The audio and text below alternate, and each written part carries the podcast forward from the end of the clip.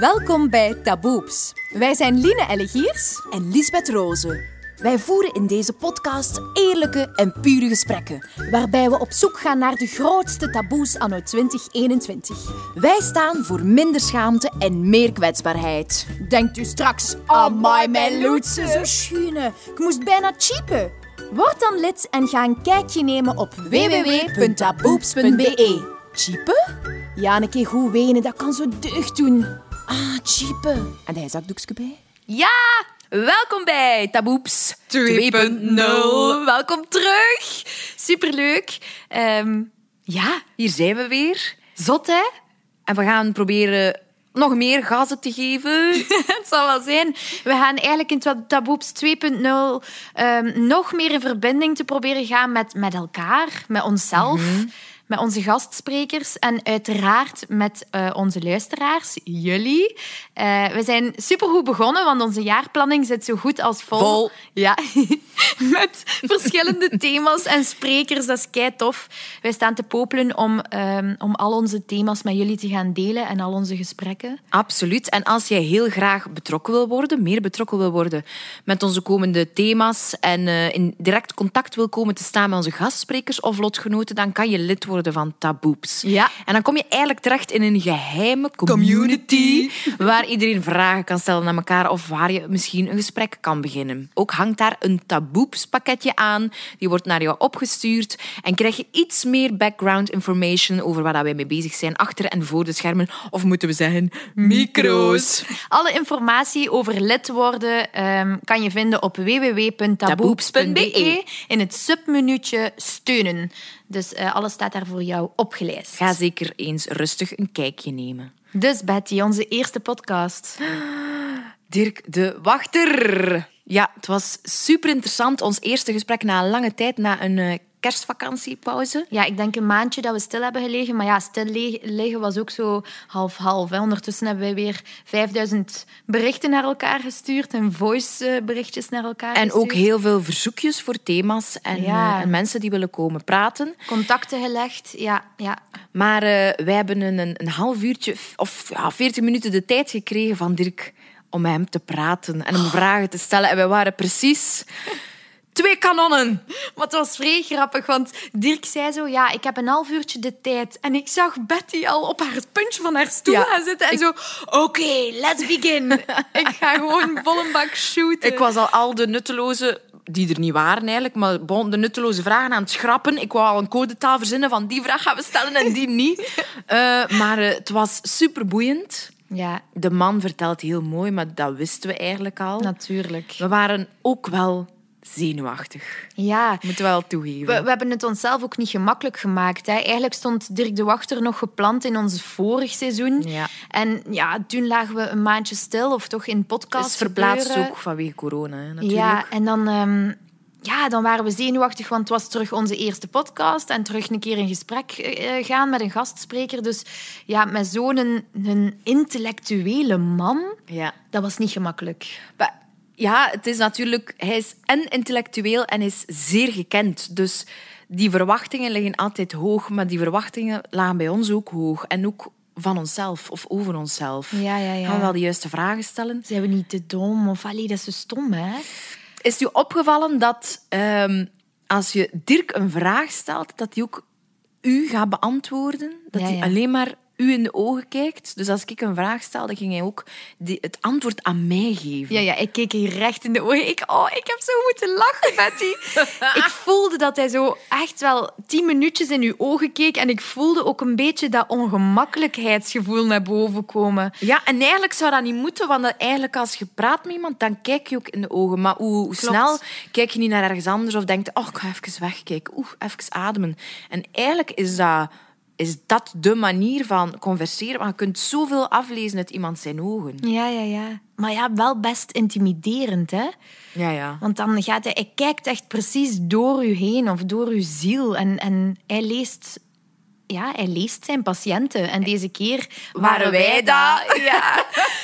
Maar het was superleuk om met hem in gesprek te gaan, maar eigenlijk veel te kort. Ja, we hebben er wel van genoten, eh, maar, maar inderdaad te kort. En ook als je een vraag stelt, zal hij ook nooit een kort antwoord geven. Dus veel vragen hebben we eigenlijk niet kunnen stellen. Maar we waren heel nieuwsgierig naar hoe Dirk is in zijn privéleven. Ja. De man. Achter Dirk, Dirk de. Wachter. Ja. Maar we hebben eigenlijk niet zoveel losgekregen. Ik denk dat er veel mensen hem die vraag stellen en, en echt een keer willen weten van ja, maar waar komt uw bagage om zo een man te zijn? Ehm, maar ja, hij is slim, hè. Het is ook normaal. Hij is in zijn functie. Is Ja. een psychiater, is een gekend psychiater. Je gaat natuurlijk niet, ook als je zoveel in de media verschijnt, alles blootgeven. En Ja. ik snap dat ook. Ja, absoluut. Het is iemand die graag praat, iemand die graag filosofeert. En dat was helemaal mee met ons taboeps-concept. Mhm. De boeps hebben misschien gewerkt. Ik zou hem, ik zou hem super graag nog een keer uitnodigen. Dan kunde hij voor hem koken. Ah, we moeten koken. Ik weet niet. Hij was zo goed in. Scampi diaboliek. Ah, ja, ja, ja, ja. ja. Of uh, groentelasagne. Misschien lust hij dat wel, ja. Met goed glazen wijn. Mm. Je zou er uren naar kunnen luisteren. Maar veel plezier. met de podcast van Dirk de Wachter. We gaan beginnen. Dirk, wij kondigen nu aan met een soort eh, de slimste mens eh, rijm. Wacht, ik ga even naar Doe mijn maar. vrouw sturen dat ik vanavond later ben, omdat er nog ineens een webinar bijgekomen is. Zo gaat het allemaal tegenwoordig. Vandaag mogen wij duiken in de wereld van een verteller, van een luisterend oor, van een schrijver en een hoogleraar, van een echtgenoot, van een vader en door velen verkeerd veroordeeld als een prekende pater. Door zijn sympathieke ogen durft menig man zijn geheimen te delen, hoewel hij nooit belooft om iemand volledig te helen. Praten, verbinding en kunst staan bij hem hoog aangeschreven en waar woorden tekortschieten, kan vuil voelen troost bieden. Hij zegt het zo mooi. En vandaag is hij onze prooi. Wij interviewen Dirk de Wachter. Merci Dirk voor uw kostbare tijd. Dank u wel voor uw poëtische inleiding. We doen ons best. Dag Dirk. Waarom in godsnaam zegde jij ja tegen twee vrouwen die aan u vragen om een podcast op te nemen gratis in deze kostbare tijden? Met de naam Taboeps begon. Misschien heeft dat geholpen. Wel, nee, omdat ik... Kijk, gratis, dat is al een heel gevoelig punt. Ik doe heel veel dingen gratis, omdat ik... Ik ben hier betaald aan de universiteit en in het ziekenhuis. En een van de verantwoordelijkheden van professoren, dat is maatschappelijk eh, dienstverlening. Dat hoort tot mijn taak. Hè. Dus ik hoef daar niet eh, extra voor betaald te worden. Integendeel, als het gratis is, dan ga ik het eerder doen dan dat het betaald is. Het is een beetje belachelijk om te zeggen, maar eh, dus dat houdt mij zeker niet tegen.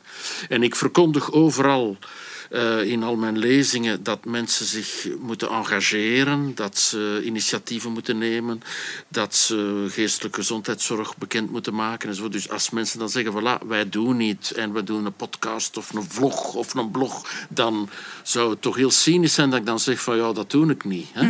Dus het, het past helemaal in, in mijn manier van verspreiden van een goede boodschap, zal ik maar zeggen. Dus het is met plezier gedaan.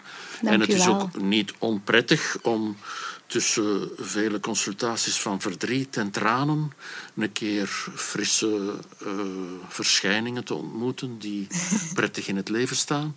Als tussendoor is dat prettig. Ja, voilà, kijk, ja, Wij zijn alleszins super blij en dankbaar. graag gedaan. We gaan nu eh, direct een heel eenvoudige, maar voor vele mensen een moeilijke vraag stellen. Wat is nu eigenlijk het verschil tussen een psycholoog en een psychiater? Het is raar dat dat nog altijd zo... Dat is niet te doen. ja. Ja. Een psychiater is een dokter, een dokter, een arts, hè, die zeven jaar, zes jaar tegenwoordig, het is een beetje korter, geneeskunde heeft gestudeerd en daarna een opleiding tot psychiatrie doet. Hè.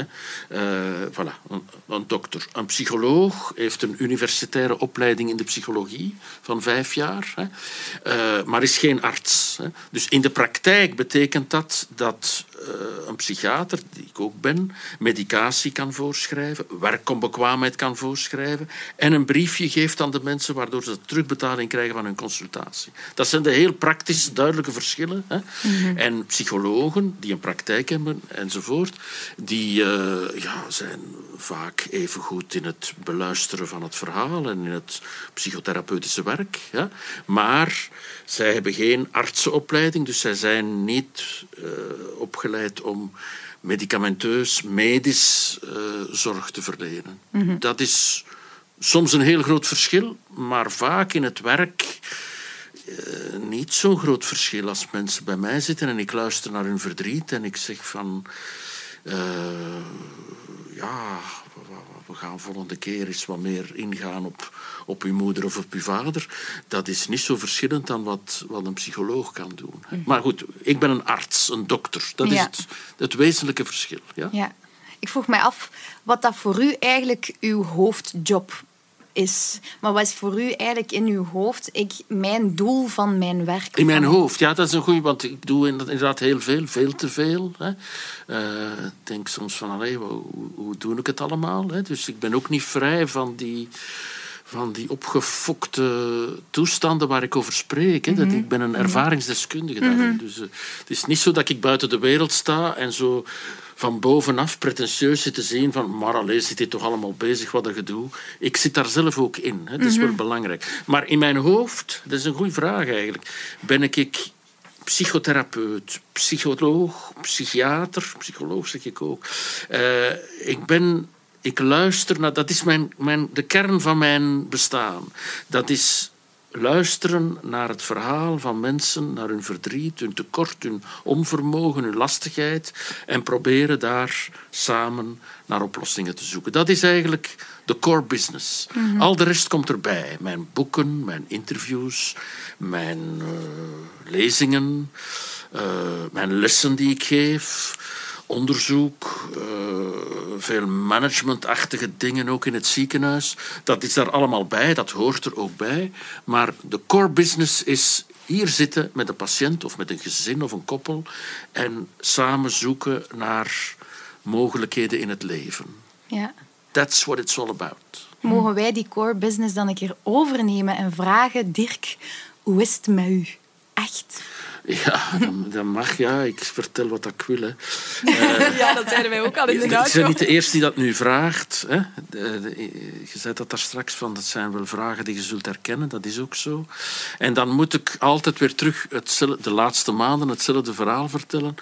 Wat sommige mensen misschien een beetje belachelijk zullen vinden. Of... of wat klef of zo. Maar het gaat eigenlijk door alle omstandigheden heen nogal goed met mij, omdat ik voor het eerst in mijn leven, voor het eerst in mijn leven, enkele maanden geleden, ben toegetreden tot het grootouderschap. Mijn dochter heeft een kindje gekregen en uh, dat is heel bijzonder. En al de rest valt eigenlijk in het niets vergeleken met dat gebeuren. Uh, voilà, zo gaat het met mij. Hè? Voor de rest heb ik last van heel die lockdown, virale toestand, zoals iedereen. Hè? Ik zit graag met vrienden op restaurant om, enzovoort. Ik heb graag volk bij mij thuis ook. En al die dingen die iedereen... Ik heb daar even last van. Maar eigenlijk valt dat allemaal heel erg in, op de achtergrond met dat kinneken eigenlijk zo. Voilà, zo gaat het met mij. Dat is mooi zo wat je zegt, want jij bent eigenlijk de koning in het relativeren, omdat je je eigen geluk uh, aftast aan eigenlijk iets anders, waardoor dat je alles wat dan een probleem zou kunnen zijn, rela relativeert. Ja, maar ja, ja, dat zal wel. Maar ik bedoel, het is ook zo dat dat mij overkomen is. Hè. De, moest dat nu niet zo zijn, dan zou ik ook wel niet zeggen dat ik een ongelukkige mens ben, hoor. Mm -hmm. Dan zou ik zeggen, Sava, ik ben bezig, ik, doe, ik werk nog altijd heel veel. Ik heb een vrouw die ik kan vastpakken. Hè. Mm. Uh, ik heb kinderen die het goed stellen. Maar dat kindje dat daar zo bovenop komt, is een soort, van, een soort geschenk uit de hemel. Uh, soort, ja, ik, wist dat, ik wist dat wel, met mijn verstand weet ik dat. Het is ook mijn werk om om te gaan met dat soort dingen in het leven. Maar ik kan u verzekeren dat dat heel bijzonder is. Uh, uw kinderen, dat is het belangrijkste in uw leven zo. Hè? Maar je zit dan jong en bezig enzovoort. En nu... Het is allemaal raar om zich zich rare dingen hoor. Ik, ik hoop dat dat niet raar overkomt. Maar ik ben 60 jaar. Hè. En er zijn de voorbije jaren, dat is ook heel erg, nogal wat mensen in mijn ook nogal nabije omgeving gestorven. Eh, ten eerste al de vorige generatie, mijn ouders en schoonouders, eh, ook mijn leermeesters. Ik heb altijd veel belang gehecht aan mijn leermeesters. Zijn allemaal nu dood. En ook mensen uit, van mijn generatie zijn gestorven aan kanker en allerlei verschrikkingen. Zo. En dat, is, dat hakt diep in uw existentie. Zo. Dan begin je na te denken, nou, ja, wat is dat hier allemaal? En soms, binnenkort is het misschien gedaan. Enfin, ik hoop van niet, hè, maar alleen, je denkt daarover na. En dan komt er zo'n kindje. En dan heb je terug weer... Dan, het leven gaat voort. Dus op existentieel vlak. Hè. Zo, ja, dan, dat, is, dat is iets heel wezenlijk. En voor de rest ook heel schattig en wel en al wat dat je wilt. Allee, bedoel, ja, een soort puppy-achtig gevoel. Ja, dat is nog zo puur, hè? Een beetje raar om te Ja, ja, dat is echt zo, ja. Dat is fijn om te horen. Ben je dan ook een mens, aangezien dat je zegt hoe ouder dat je wordt, hoe meer mensen dat je verliest, dat je dan ook denkt, oei, ik moet nu wel van elke dag nog gaan genieten? Ik ben nu ineens carpe diem of... Maar nee, dat, ik ben niet zo erg veranderd eh, in die dingen. Ik heb altijd wel eh, willen van het leven genieten. Ik heb ook altijd zeer hard gewerkt. Dat is mij van thuis uit ook meegegeven. En dat doe ik nog altijd. En ik denk ook als ik hier op pensioen ga, moet gaan, naar de universiteit vliegde buiten op uw 65, want er staan allemaal jongeren te dringen om uw post in te nemen. Hè. Zo gaat dat in, in competitieve milieus. Maar dan ga ik ook nog blijven werken. Ik doe mijn werk ook heel graag. Ik ben heel geëngageerd, heel gedreven.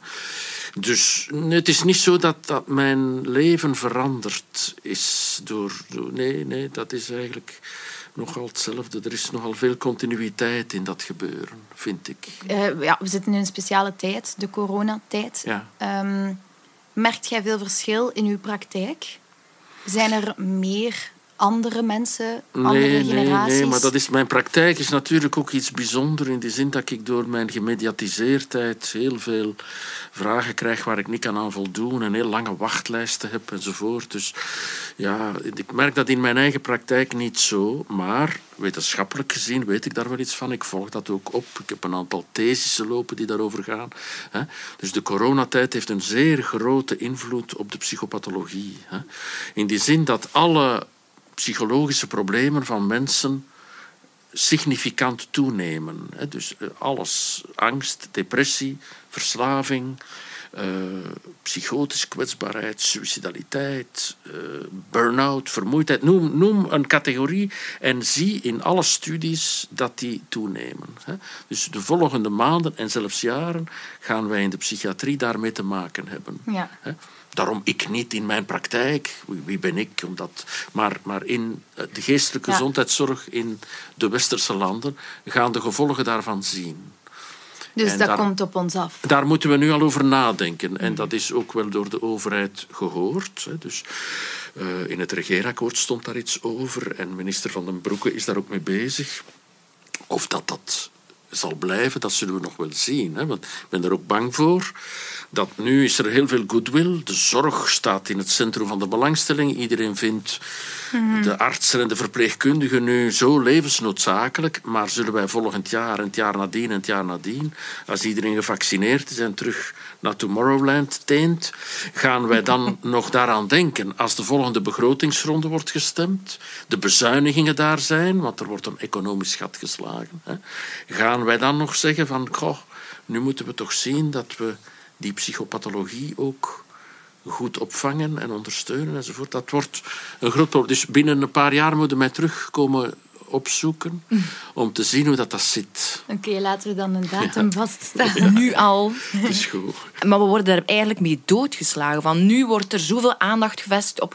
En we moeten praten en we moeten verbinden. En waarom was dat daarvoor dan niet? Waarom willen we nu ineens alles bespreekbaar maken? Hoe komt dat? In tijden van crisis. De crisis zijn opportuniteiten, dus dat, dat is de, de goede zaak van de miserie. Ja. Dat, we ons dat, nu, dat we dat goed beseffen. Probleem daar, enfin, ik wil de pret niet ver, ver- vergallen, maar eh, dat is dat het geheugen van de mens vaak heel kort is. En als dat, die miserie wat voorbij is, wat ik ook hoop, hè, dat we dan terug overgaan tot de orde van de dag.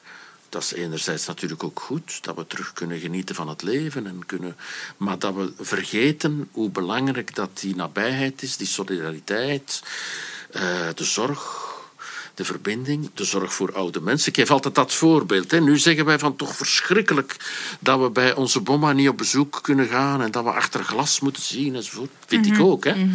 Maar heel veel bomma's en bompas kregen voordien ook geen bezoek. Nee, ik ga zelf Geen haan die meer- daar naar kraaide. Ja, exact. Hè? exact. Dus als we nu beseffen, oei, oei, dat is inderdaad toch wel heel erg, en dat dan onthouden voor nadien, dat zou ik dan nog een voordeel vinden van deze toestand. Ja. We zullen zien. Ja, dat zullen ik ga er blijven over kakelen, in ieder geval. Ja, want soms vinden wij zelf van...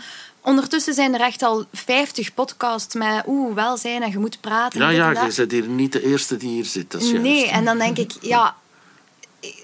Allee, is het dan nog niet duidelijk genoeg dat we moeten praten? Of, of Het blijkt dat je dat niet genoeg kunt herhalen. Hè. Anders zou ik zeggen van, kijk eens, dames, ik heb dat vorige week al gezegd en de, de week ervoor ook, laat me gerust enzovoort. Ik heb de indruk dat we het niet genoeg kunnen herhalen. Ja, exact. En het is toch altijd nog een beetje ander publiek enzovoort. Hè. En ik heb heel graag jonge mensen. Hè. Oh, ten eerste omdat het plezant is, jonge mensen, maar ook omdat, ik, jullie zijn de toekomst natuurlijk. Hè. Mhm. Jullie, jullie zullen de volgende eh, generaties moeten maken en de wereld moeten maken. Dus jullie, niet persoonlijk, maar uw publiek, uw achterban, die moet ik proberen aan te spreken. En eh, ja, zo, daarom vind ik het wel belangrijk dat, dat ik hier iets mag zeggen. Ja. Maar mijn ouders zeggen heel vaak, ja, maar Line, overdenkt je niet alles? Ga je niet te ver? Gaan we niet te ver in denken, overdenken, praten? En is het niet allemaal, maakt het jezelf niet nog veel moeilijker omdat je alles probeert te overdenken en daar dan nog een keer over wil praten? Nee, globaal, in het Vlaamse land, is er veel te weinig gepraat over lastigheid en miserie. Ja. Dat is uit veel onderzoek één van de verklaringen waarom de suïcidecijfers in Vlaanderen zoveel hoger zijn dan in andere streken van Europa. Omdat we binnenvetters zijn en niet praten. Ja. Nou, dat is wel een goed argument om te spreken. Hè? Ja. Algemeen meer praten. Maar natuurlijk, ze hebben ook een stukje gelijk. We moeten niet alleen tateren en praten. Daar valt, volgens mij is ook altijd een engagement aan verbonden. Doe iets. Hè? Zit niet alleen thuis te praktiseren over wat er allemaal in de wereld misloopt en zo, maar komt uit uw kot. Enfin, ik gebruik graag die vergelijking, omdat dat nu niet mag.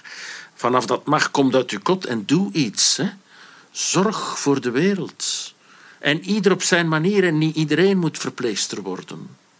Of verpleger. Maar iedereen met zijn talenten, zijn mogelijkheden, zijn achtergrond. Doe iets voor de wereld. Voor uw medemens. Zorg. Hè? In, in alle betekenissen van het woord. Maar ik merk ook dat, dat sommige mensen, bij sommige mensen is dat op of is dat er niet. En dan zijn die eenzaam. En daar wouden we het ook graag over hebben, over die eenzaamheid. Ja, dat was eigenlijk het onderwerp dat Ja. ik ook voor ogen had. Dus dit was nog de inleiding. Nu gaat het in een snel tempo, Dirk. Wat, wat is eenzaamheid voor u? Eenzaamheid is iets anders dan alleen zijn, moet ik altijd heel goed eh, eh, benadrukken. Eenzaamheid is een subjectief gevoel bij, oh, dat je bij niemand terecht kunt met uw zorgen. Dat je alleen, ik heb niemand om mee te spreken en ik voel me niet goed. Dat is eenzaamheid. En dat is iets helemaal anders dan alleen zijn of single zijn. Er zijn mensen die alleen wonen en zeggen van ja, maar als ik een probleem heb, dan kan ik naar een, vriendin of een vriend of mijn moeder of mijn zuster of ik weet niet wie. Gelukkig zijn er veel zo mensen. Maar er zijn ook veel eenzame mensen die in een gezin of in een koppel of samenwonen, maar niet met elkaar kunnen spreken. Hè. Dus het is een subjectief gevoel van niet te kunnen spreken over wat u bezighoudt. Niet terecht te kunnen. En blijkbaar, uit veel onderzoek, blijkt dat, dat er heel veel mensen daarmee kampen. Je zou dan zeggen, is dat niet van alle tijden? Waarschijnlijk wel. Waarschijnlijk is dat van alle tijden. Waarschijnlijk is de mens een potentieel eenzaam wezen.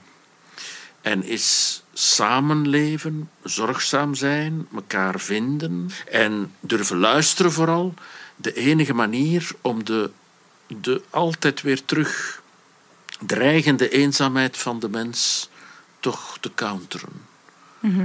Doordat de mens potentieel eenzaam is, bestaat de liefde. Anders.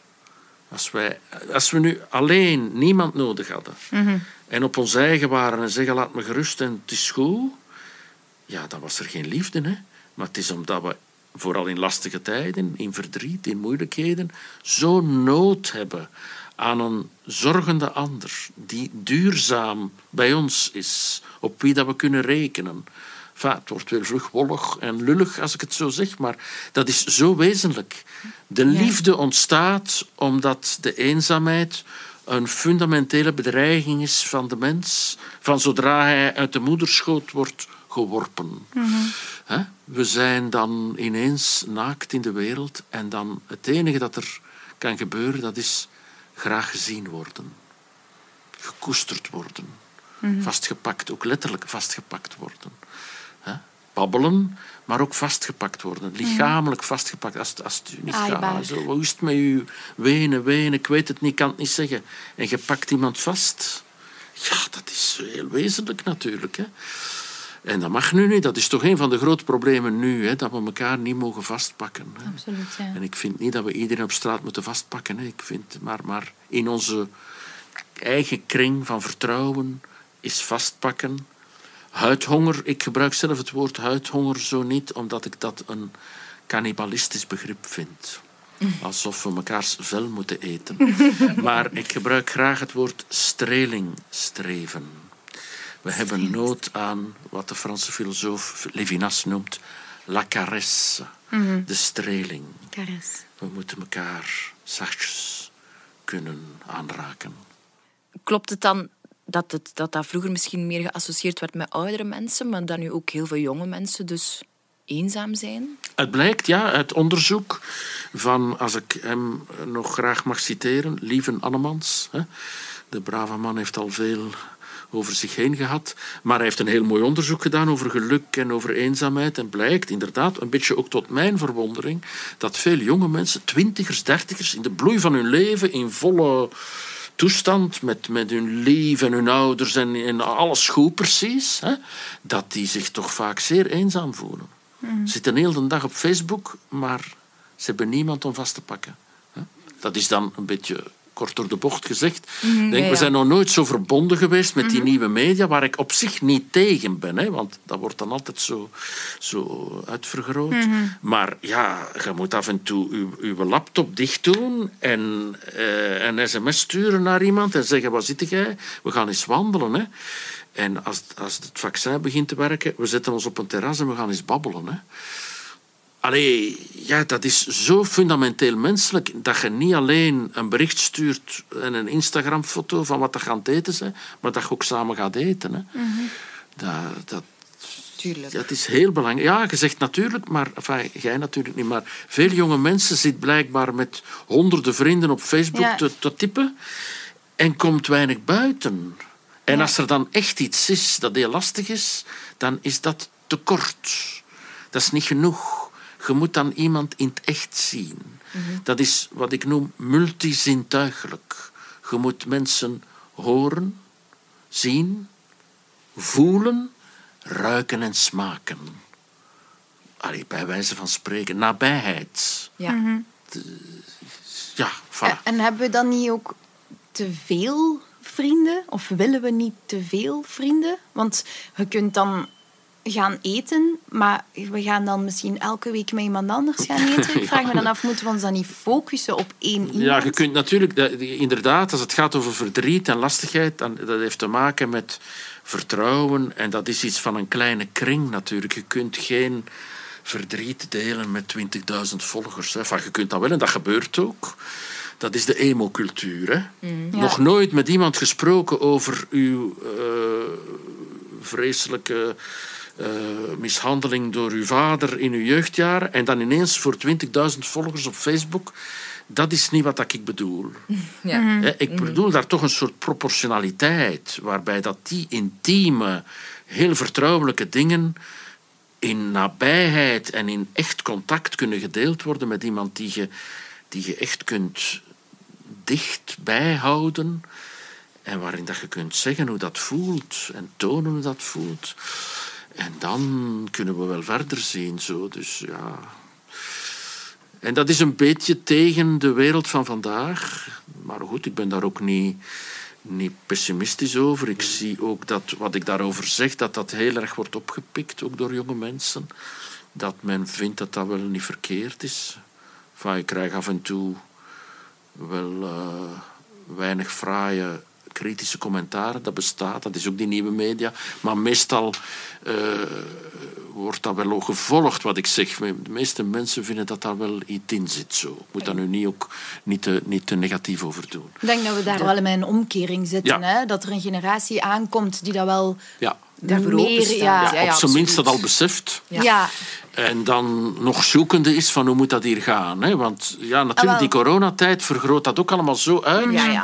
Ja, ja. Dat het misschien nu beter beseft wordt. Hè? Nu moeten wij zoomen en skypen en face, facetimen en die toestanden. En nu zeggen we van, mensen, ik ben zo beu. Hè? Mhm. Dus misschien is dat nogmaals een goed gedoe van deze lastigheid. Ik hoop het. Vindt u dat zelf ook lastig? Want je, je zei daar straks, ik heb een extra webinar, dus jij ziet je publiek niet, neem ik aan. jij Ja, doet ja, die straks heb ik dat live. inderdaad, ja. Vind je dat dan ook lastig Ja. dat je die mensen niet ziet? Wat bijzonder lastig, ja. Ja. Verschrikkelijk lastig. Ja, maar ja, ik kan mij Ja, maar echt waar. Want ik geef les voor een scherm. Ja. Ik zie mijn eigen kop. Dat is bijzonder ambetant, hè? Ja. Ah ja. Van, nou, wij Dirk. Ja, ja, ja, maar nee, voor, Zo dat is niet, het zo- echt niet interessant. en, en je ziet je publiek, ik ben heel interactief, zoals hier ook, heel interactief. Ik ga, ik, in mijn les ga ik om de trap, ik, ik, eh, ik spreek mensen aan, ik loop rond, ik eh, doe van alles. Bij lezingen ook, ik ben heel erg graag in het publiek, met het publiek. Eh, verbindend, hetzelfde als wat ik zeg eh, daar straks. Hè.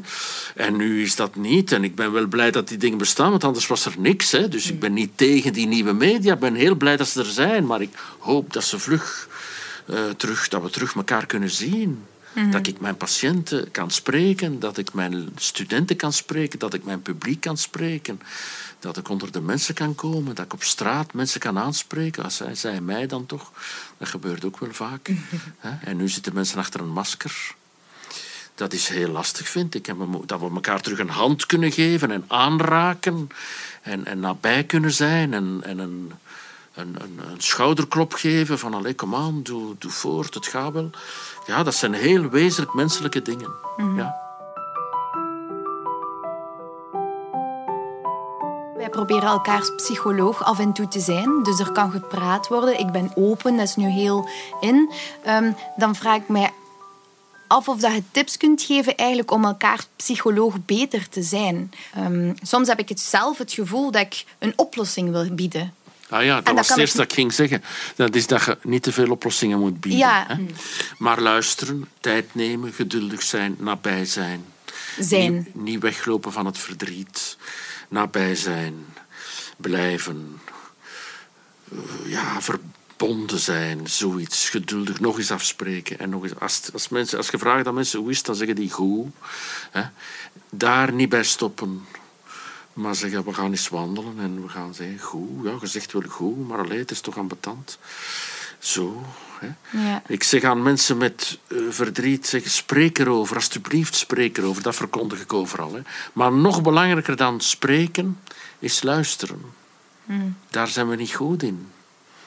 We willen alleen maar vooruit en plezant en toestanden. En je zou denken, dat is toch zwaar, luisteren naar verdriet of ah, bo, bo, zeg, gaat op een ander. Ja, wel, nee, het is juist in het luisteren naar verdriet en geduldig durven aanwezig blijven, dat de, de betekenis en de zin verschijnt en dat er iets heel fundamenteel zinvol als gevoel ook verschijnt. Dat je denkt van, ah, wel ja, goddekke, nu heb ik toch iets kunnen doen. Mijn dag is wel bijzonder. En daar krijg je een, tussen aanhalingstekens, gelukkig gevoel van. Dat eigenlijk wezenlijker en fundamenteler is dan alleen maar partytime. En voor alle duidelijkheid, ik ben niet tegen partytime. Hè? Want anders is dat ook weer... Ze willen een mens dan altijd zo in een hoek steken, alsof dat ik dan de, de, de apostel van het verdriet zou zijn of zo. Natuurlijk niet. Ik heb liefst dat de mensen zo weinig mogelijk miserie hebben. Maar het is nu eenmaal deel van het leven dat af en toe lastig is. En daar elkaar bij staan is een heel betekenisvolle manier om in het leven te staan. En daarnaast mag er veel partytime zijn. En festivals en muziek en feestjes. Zo goed en zoveel als dat je wilt. Hè. Maar eh, af en toe sta je eens even stil bij de moeilijkheden van uw goede vrienden, wat dat je van weet dat het ambetant is. Simpeler kan ik het niet zeggen. Mijn vrouw zegt dan, wat dat je zegt, dat weet toch iedereen? Het is goed om een vrouw te hebben die je met de voeten op de grond. Eh, en dan zeg ik, ja, dat is waar. En toch vragen ze mij altijd weer, eh, hoe komt dat toch, zegt ze dan. Ik denk dat dat komt omdat, inderdaad, ieder, juist omdat iedereen dat wel weet. Dat dat geen rare dingen zijn.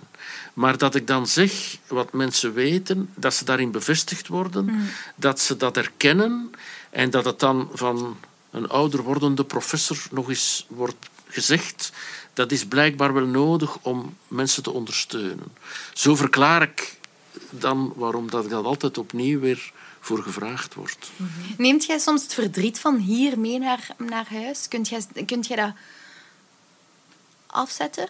Ik kan dat nogal goed op zijn plaats houden. Anders zou Ja, dat in mijn beroep moeilijk zijn. Hè? Want het is wel veel soms. Hè? Ik kan dat dus, ik slaap heel goed. Mijn grote geheim, hè, ik zal u dat verklappen. Yes. Ik heb één groot talent. Ik heb eigenlijk maar één echt groot talent, een uitzonderlijk talent. Ik kon niet shotten, ik kon geen muziek, eh, ik kon wel goed tekenen, maar ik ben geen kunstenaar, dus mijn leven was eigenlijk één grote mislukking. Maar bon, dat is een ander verhaal. Maar wat ik heel goed kon, maar echt heel goed, moesten er Olympische Spelen zijn. Ik had de gouden medaille keer op keer. Zowel in de winterspelen als de zomerspelen. Zowel indoor als outdoor. Dat is slapen. Maar ik slaap ongelooflijk goed. Ik leg mij neer en ik ben in een diep coma. Dus, dus dat is eigenlijk, eh, ja, omdat je zegt die zorgen, dat blijkbaar kan ik heel goed slapen en recupereren en, en op die manier ook alles een beetje in mijn brein wat op zijn plaats zetten, zeker. Ik weet het niet. Hè? Dus dat kan ik goed. En inderdaad, ik kan nogal goed de dingen eh, hier achterlaten, om zo te zeggen. Ook niet altijd natuurlijk. Hè. Als dat gebeurt, enfin, niet zo vaak, maar dat gebeurt, dat een of andere patiënt met wie ik zeer betrokken ben toch hervalt of eh, soms ook eh suïcide pleegt, bijvoorbeeld. Hè. Ja, eh, het is niet, zo zwart-wit is het ook niet. Maar meestal kan ik het wel een beetje opzij zetten en naar huis gaan en eh, ja, iets anders doen. Zo, dat, dat, dat gaat wel, ja. ja. Ik, eh, ik kan snel iemand inschatten, maar ik, bij u kan ik dat echt niet zo goed. Maar Ah. misschien komt dat omdat je... Een mysterie. Ja, ik denk eigenlijk dat je gewoon verschrikkelijk oké bent met het leven. Ja, ja en nee. Ik bedoel, ik ben ook een worstelende mens die zoekt en het allemaal niet goed weet en zo. hoor. Ja, dat lijkt niet zo. Ja, dat lijkt niet zo, maar dat is ook zo. Ik weet soms ook niet dekken wat ik doe. Hè. Eh, in de krant vorig weekend stond een zeer eh, kritische en zelfs zeer spottende commentaar.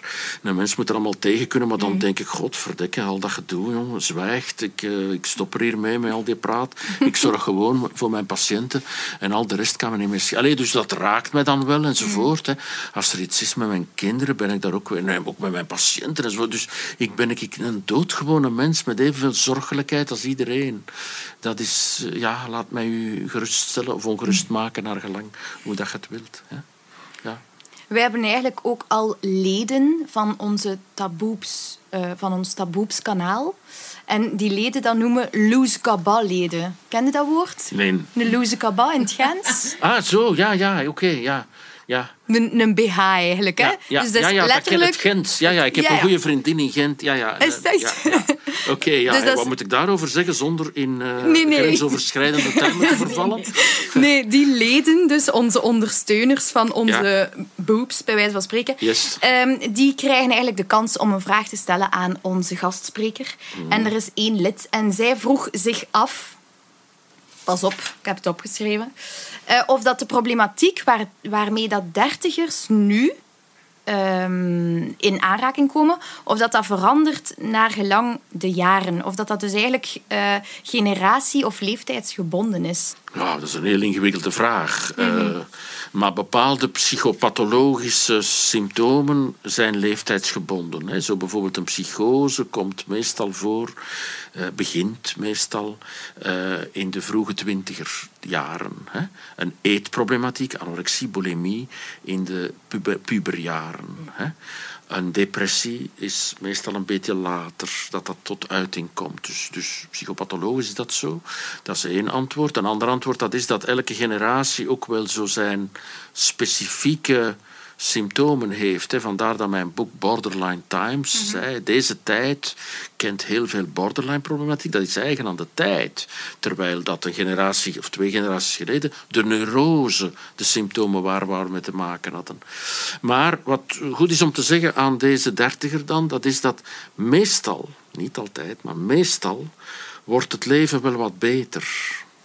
Dat is een hoopvol gegeven. De meeste levens komen wel na de sturm en drang van, van, van de hormonale drive die ons eh, de kast opjaagt, en zeker ook onze partners, komt er soms wel wat rust in, in het huis. En kunnen we wat gemakkelijker in dat bestaan onze plaats vinden. Dat is meestal zo. Niet altijd. Hè. Er zijn ook mensen die... Want ik zeg dat vaak ook aan ouders die te maken hebben met een kind met veel miserie. zeg ik van, hè, onthoud, komt binnen tien jaar en we zullen zien, het gaat beter. Vaak is het zo, soms niet. Hè.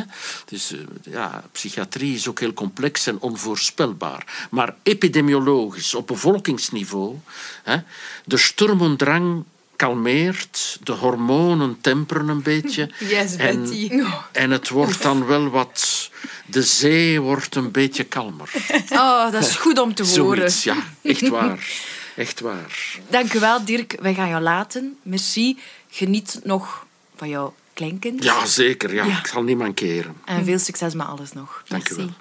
Bedankt om te luisteren naar Taboeps. Vond het vreewijs? Volg ons en deel het op Instagram en Facebook. En zeg het aan al uw vrienden. Wij kunnen alleen maar groeien door uw steun. Dus koop een t-shirt of word lid van onze community. En krijg zo de kans om vragen te stellen aan gastsprekers of om uw verhaal te delen. Meer info op www.taboeps.be.